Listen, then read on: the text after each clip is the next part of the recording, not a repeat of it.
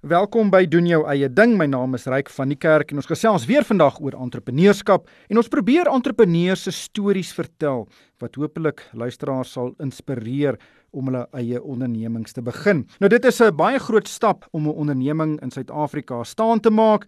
Nou daar is ongelukkig nie 'n wenresep wat sukses verseker nie, maar ek dink suksesvolle entrepreneurs se stories kan ander help om die meeste en die diepste slaggate te vermy en ook hoe om opwindende geleenthede raak te sien. Nou vandag gesels ek met Pieter Du Plessis. Hy is van die besigheid Goodju en uh, hy is een van twee entrepreneurs wat agter hierdie besigheid staan en hulle produseer 'n konsentraat vir aanmaak koeldrank. In Engels noem hulle dit cordial maar dis nie gewone konsentraat nie dit is uh, suikervry.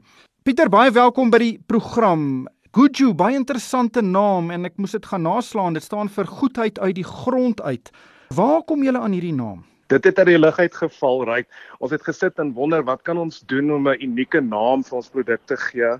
En ons het net besluit, wel, ons gebruik al die goeie bestanddele en niks van die slegte bestanddele nie en is alles goedheid uit die grond uit en toe wabba. Toe dink ons aan die naam goedheid uit die grond uit en toe dink ons, o, wel, dit is 'n bietjie lank. Kom ons doen maak dit 'n akroniem en toe word dit good goo en toe word dit good ju. So uh, ja, en ons het nou maar by dit gebly en uh, dit het goeie aftrek gekry. Ja, mens spel dit G U D G U. So dis die eerste letters van goedheid uit die grond uit, baie interessant. Maar vertel ons van die produk wat jy maak, 'n konsentraat van aanmaak koeldrank wat suikervry is. Uh, wat behels dit? Ons het eers begin met suiker cordials en ehm um, by informele markte drankies bedien en dit was nie baie lank nie toe het van die diabetes so by ons gekom en gesê hoor dis heerlik maar kan net nie vir ons net 'n suikervrye weergawe maak nie? En ons het baie lank gewerk aan 'n formule wat uniek is vir ons wat nie daai aaklige nasmaak het nie en ons het dit reg gekry. So ons doen 'n geheime blend wat mens noem ons uh, xylitol en stevia meng En apart is hulle nogal aaklig met 'n nasmaak, maar as jy dit op 'n sekere manier doen, dan het hy nou nie 'n nasmaak nie. So Pieter, julle is amper soos Coca-Cola wat julle eie geheime resep het wat julle daar in 'n kluis iewers bære want dit is julle absolute unieke produk, julle voordeel wat julle bo al julle mededingers het. Mens moet iets uniek hê deesdae om uit te staan. Jy weet, jy moet of 'n geheim hê of 'n baie mooi storie en ons het beide. Jy weet, ons het 'n lekker storie. Mense is mal oor Goodju. Hulle volg ons op uh, Facebook en hulle neem deel aan resepte, maak kos met ons goed en dit is eintlik 'n hele lekker familie saam. Hoeveel geure of hoeveel produkte het julle? Ryk, ons het aanvanklik 30 geure mee uitgebrei en nadat ons deur hierdie reis korp opleiding is het ons besef maar weet jy wat ons moet fokus so ons het dit nou verminder na 18 geure toe Dit is baie moeilik om jou babetjies te laat gaan, maar ons het maar net gekyk na hoeveel verkoop elke geur en ons het toe nou maar net daai besluit geneem. Wat is julle gewildste geure? So pink lemonade is ons gewildste geur. Ons maak dit met suiwer suurlemoensap en dan ons sugo of sugar-free blend met 'n arbei ekstrak. Dis by verre die die gewildste mense maak mojitos met dit. Hulle gebruik dit sommer vir koeldrankie of om hulle water mee te geur. En dan Grenadella elderflower snaaks genoeg het nou vreeslik opgetel en Turkish Delight is ook een van die topverkopers. Wat sê dit klink baie soet, maar jy sê dit is suikervry. Maar vertel ons van die begin. Wanneer het julle begin met hierdie besigheid of kom ons gaan selfs voor dit? Wanneer is hy saadjie geplant? So wat gebeur het is my vernoot Viljoen is eintlik 'n hoogsgeleerde prokureur. maar hy het sy werk verloor en um, ek is op dieselfde tyd geskei, uh 7 jaar terug en uh ons het net mooi niks gehad om te verloor nie en toe het ons besluit, weet jy wat? 'n Vriendin van jou het vir jou resep gegee vir 'n cordial, kom ons begin met dit. En dit is maar net hoe dit begin het en toe brei dit uit na suikervry toe.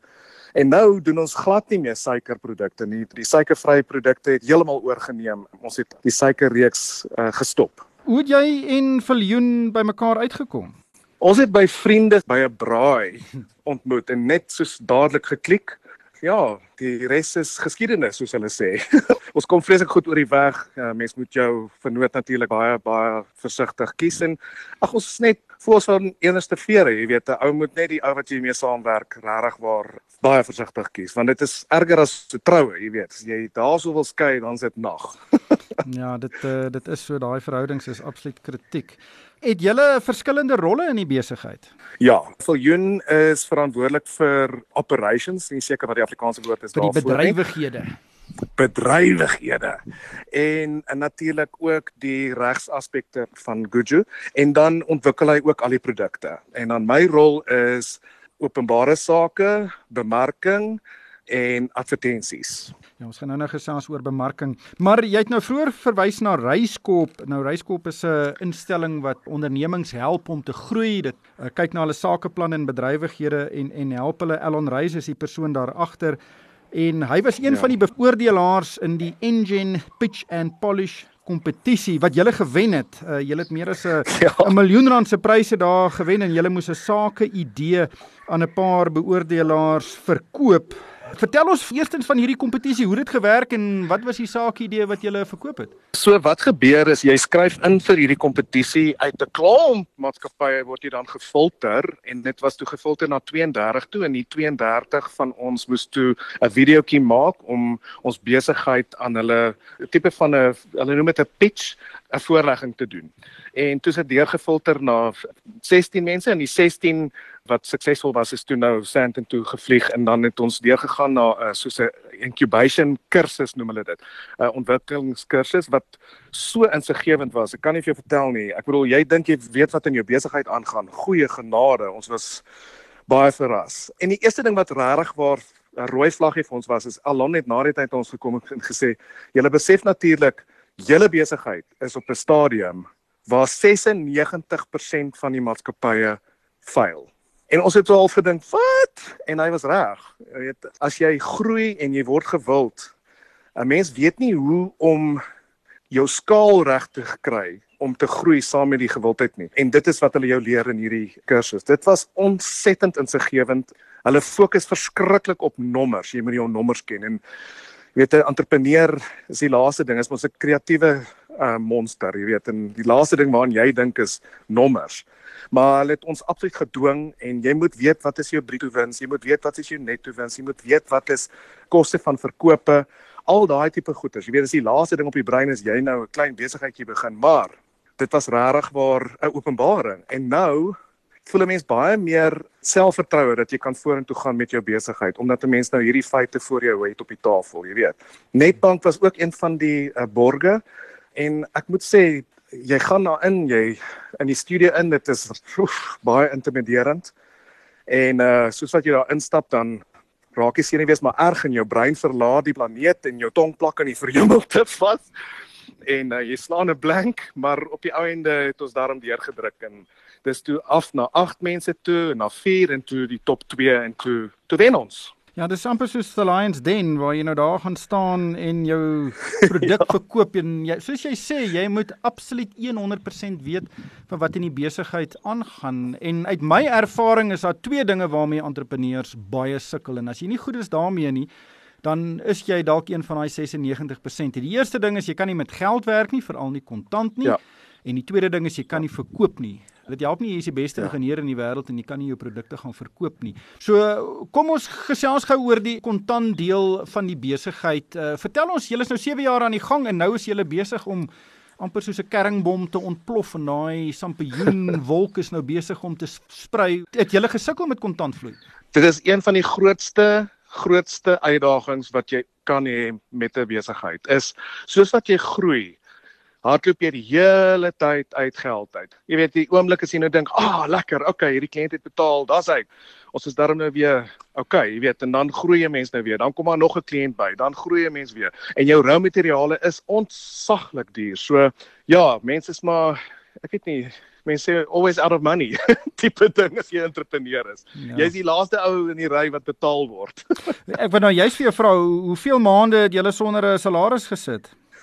o oh, nee, ons het van die begin af gelukkig ons prysstrukture daarom reg gehad. Weet jy, dis maar harde klippe kou gewees vir 5 jaar en uh mens moes maar snoep lewe, jy weet. Ek kan onthou daar was tye wat ons nie eens ons telefoonrekening kon betaal nie, maar weet jy, dan kom daar weer 'n ou deur met 'n betalingkie, dan kan 'n mens daarom aangaan, jy weet. So ja, ja dit is maar net genade eintlik, jy weet jy jy spandeer eintlik die 5 jaar wat jy jou boutjies afwerk op jou knie deur.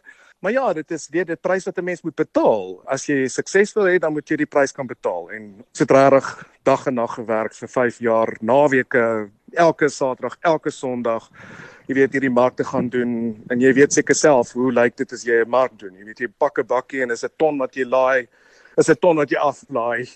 jy werk ja. die hele dag saam met mense en dan gaan jy huis toe en dan moet jy regmaak vir die volgende dag, jy weet. So dit is terwyl jou vriende lekker jol, betaal jy die prys, maar ons is baie dankbaar. Daar's 'n groot beloning daarvoor op die einde van die dag.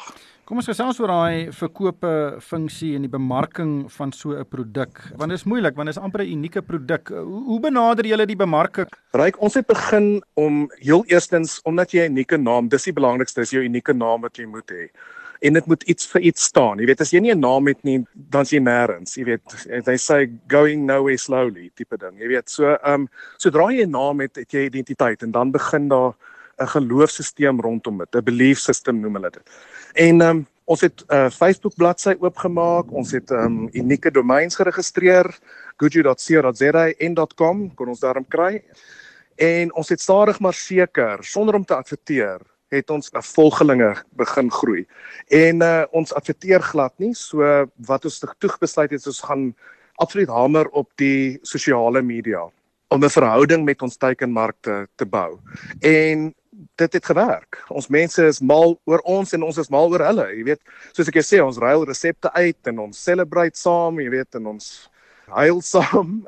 So dit is maar hoe dit gebeur het. En stadig maar seker het jy weet 'n pappa na die mark toe gekom wat drie sparre besit en hy het ons produk geproe en gesê maar hoorie kan jy nie vir my miskien van hierdie suikervry produkte verskaf vir my sparre nie en dis hoe dit stadig begin het om uit te brei. So ons is nou beskikbaar in bykans 600 winkels reg oor die land. Jy weet dit is lekker om daai momentum te begin bou. Mense bestel nou maandeliks by ons en die wiel rol nou lekker. Ek gesels met Pieter Du Plessis. Hy is een van die entrepreneurs wat Goodju begin het. Dit is 'n um, interessante besigheid wat konsentraat vir koeldrank maak. In Engels is dit cordial. Dit is suikervry en hierdie besigheid is om besig om van krag tot krag te gaan. Maar Pieter, ek wil net teruggaan na die die markte toe. Ek het nog altyd gewonder, hoeveel geld moet jy op 'n Saterdag op 'n mark maak om dit die moeite werd te maak? Jong, dis 'n ander ding. Dit is amper soos boer. Jy is so afhanklik van die weer, nê. Nee. maar om dit moeite werd te maak, moet jy ten minste dan so 4 of 5000 rand omset doen. Jy weet, om daarom net jou kostes te dek. Mense dink nie daaraan nie, maar jy weet dit kos kos 'n klomp geld om daar te staan. Jy weet jy huur jou spasie by die die organiseerder en dan's daar vars vrugte en groente en sodawater en ys en al daai tipe dinge wat 'n mens aankoop. So dis nie net 'n kwessie van jy weet kom daar aan en begin besigheid doen nie. So ja, dit kos 'n mens 'n uh, paar rand om so 'n mark te doen. Jy weet en dan moet 'n mens glase aankoop en tipe dinge. So ja, nee, maar jy moet minimum so 4-5000 rand se om sy doen om ten minste dit die moeite werd te maak, jy weet. Maar ek moet jou sê die mense ondersteun dit, hoor. Alhoewel dit harde werk is, is dit altyd hier tussen 8 of 10000 rand wat 'n ou, jy weet, omset kan maak op so 'n Saterdag, jy weet, in 'n Sondag. Natuurlik is die volgende stap uh om in kleinhandelwinkels te kom so supermarkte yes. en, en dit is altyd 'n baie groot stap want toegang tot markte is absoluut kritiek vir enige besigheid. En dis moeilik om by hierdie uh, winkels en hierdie supermarkte in te kom. Maar jy sê dit het begin met iemand wat julle produkte daar geproe het en gesê het, "Luister, ek het 'n spar of drie sparre, kom sit jou produkte daar." Uh, vertel ons van hoe julle julle produksiebedrywighede moes aanpas om daarin te voldoen. Soos wat jou omset groei, moet 'n mens mense aanstel, so ons moes nou maar dis jou duurste um, uitgawe amper kan jy maar sê. So ons moes maar 'n paar mense aanstel en ons het oorgeskakel na 'n ander tipe glasbottel. So ons bottel ons produkte in glas en die rede daarvoor is maar deel van die gesondheidsaspekte, jy weet, want baie plastiek het maar snaakse goed in, hormone en so aan. En ons moes die regsaspekte van jou etikette moes ons navors. Jy weet, jy moet barcodes aankoop wat niemand ooit aan dink nie. Uh, Daar's baie hidden costs kan 'n mens sê, jy weet. En dan moet dit aantreklik wees. Dit moet uniek lyk op die rak. Jy weet, jy is nou op 'n rak waar jy kompeteer met baie ander kompeteerders, jy weet. So hoe gaan jy uniek uitstaan? Jy weet, mense moet van ver af kan kyk vir 'n rak en sê, "Ag, ah, daar's Kuju," jy weet.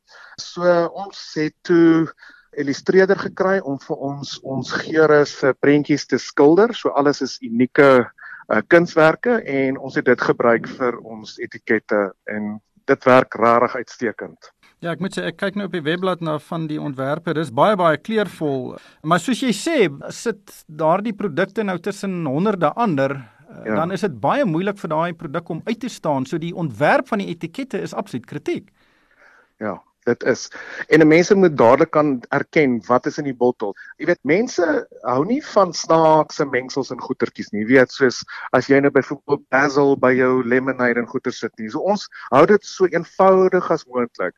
Ons lemonade is 'n lemonade, ons pink lemonade is die enigste van die ding wat jy weet arbei in het.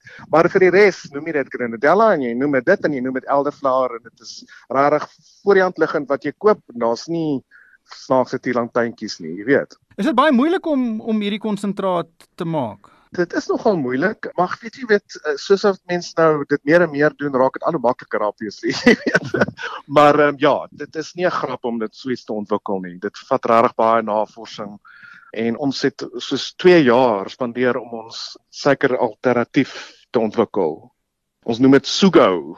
Ja, jy het vroeër daaroor gesels. Natuurlik in Suid-Afrika kyk baie entrepreneurs oor ander entrepreneurs se skouers en kyk wat hulle doen en probeer dit dan self doen. Het julle al gesien dat daar mededingers in die mark uh, toegetree het nadat julle nou julle produkte bekend gestel het?